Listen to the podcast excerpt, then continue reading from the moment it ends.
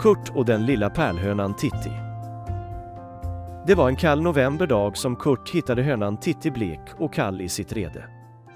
Hon hostade till lite när han lyfte upp henne och han tog med henne i sängen under sitt stora varma duntäcke. Där låg hon mellan Kurts ben och värmde sig en stund medan han själv läste det han nyss hade hämtat i sin hemsnickrade brevlåda vid grusvägen som ledde fram till hans skogstomt. Där fanns reklam från flera stormarknader men också ett litet vitt kuvert med silig text. Han slängde det i en låda som han förvarade under sängen och reklamen stoppade han in i kaminen och det tog fyr direkt. Gratis värme är den bästa värmen, skrockade Kurt innan han vid det rangliga handfatet kammade igenom sin toviga kalufs och sprayade lite Acuvera herrparfym på halsen. Utanför hönshuset, som för övrigt Kurt använde som boningshus, tog sig räven en frukost bestående av fint skuren entrecote och färsk pasta. Och högt uppflugna i träden satt de rovfåglar som han många år tidigare hade räddat och släppt ut. Deras tur att få mat var efter räven. Och maten brukade Kurt lägga ut på hönshusets tak. Det brukade bli ungefär samma sak som till räven men även en död gammal höna då och då. Hönorna var Kurt nästan kärast. Till dem så bakade han sockerkaka av alla de sorter. Tiger, sultan, citron och vaniljkaka var vanligt förekommande och blev snabbt till hönsens favoritföda och till slut dög nästan inte vanligt värpfoder. Men katterna var helt klart Kurts ögonstenar. Och trots att de nästan var med honom dygnet runt så gick han alltid med en rejäl bunt fotografier på dem i byxfickan. När han träffade en vacker kvinna så skulle katterna förevisas och diskuteras. En del damer upplevde detta som charmigt och andra blev utmattade, men Kurt fortsatte att visa och prata i timtal. Lilla Titti, sa han med tysk brytning. Har någon varit dum mot dig? Han gläntade på täcket och där tittade Tittning två pigga ögon ut. Hon skrockade och Kurt tog det som ett jakande svar på att just Titti blivit utsatt för någon av de elaka tupparna. De jäklarna. De dumma busarna. Kurt ska säga till dem att sluta bråka med dig. Titti såg förvånat på Kurt, blinkade till och kluckade förnöjsamt. När Kurt drog bort täcket så tog hon sig långsamt upp från liggande ställning och haltade iväg mot huvudkudden. Du är ju skadad lilla Tittigumman. Det är ju förskräckligt synd om dig. Han greppade telefonen och slog numret till distriktssköterskan på Fröslunda vårdcentral. Distriktssköterskan, god morgon. Hallå? Vem talar jag med? Det är Eva. Din distriktssköterska. Jag heter Kurt. Kurt Schwarz. Vad kan jag hjälpa dig med Kurt? Det är rent av förskräckligt. Jag tror att de nästan mobbat ihjäl henne. Oj då. Eva blev chockad. Min lilla Titti. Han pratade osammanhängande samtidigt som han bäddade åt hönan och drog upp täcket över hennes kalla lilla kropp. Det var ju inte bra.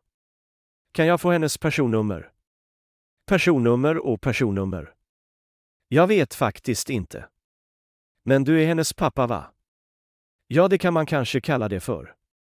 Och efternamnet är det Schwarz som du. Ja, hon heter Titti von Hosknoten, slängde Kurt till med sin bredaste accent, men menade ju egentligen husknuten. Jaha, så hennes mor var gift tidigare. Kurt kliade sig i sitt grånade hårsvall och funderade i ett par sekunder. Gift och gift, sa Kurt. De parar sig ju som kaniner med vem som helst. Och jag förstår. Så hon var otrogen då. Vad synd om dig, Kurt. Jag är ledsen för din skull. Men jag är glad för varje unge jag får. En annan av mina damer som bor här har tio nu men hon kan nog få flera. Sköterskan Eva antecknade alla upplysningar som Kurt kom med. Hon, som hade läst om fallet Josef Fritzl i Expressen, blev alltmer övertygad om att detta var något av den sörmänska motsvarigheten. Var är Titti nu någonstans då? Distriktssköterskan Eva försökte bringa klarhet i ärendet. Hon ligger här nu på kudden. På kudden i sängen. Ja, men först var hon under täcket mellan mina ben, men sen kravlade hon sig fram den lilla kraken. Finns hennes mamma där någonstans? Nej, hon blev också sjuk och dog. Och hennes syster råkade jag köra över när det var halt. Då får jag beklaga sorgen. Hon antecknade att både mamman och mostern var döda i patientjournalen. Ja, det var tråkigt, men jag slängde upp dem på taket så att mina rovfåglar blev mätta. De ska ju också ha något att äta ibland. En chockad distriktssköterska i andra änden tog ett djupt andetag precis som hon lärt sig på kursen i krishantering och samlade sig. Vet du vad Kurt? Nej. Svarade han medan han knöt sina skor. Kan du ta Titti med dig och komma hit på en gång? Ja, det går väl bra. Jag är strax klar. Jo, för jag tänkte att om ni kommer hit så kanske vi kan prata lite både om Titti och även din frus död och försvinnande. Ja, även olyckan med hennes syster behöver ju redas ut. Ja, sa Kurt. Det går bra. Blir det kaffe? Jag kan ta med sockerkaka. Nej, vet du Kurt. Det behövs verkligen inte. Det viktigaste är att Titti kommer hit till mig. Och att du Kurt får professionell hjälp.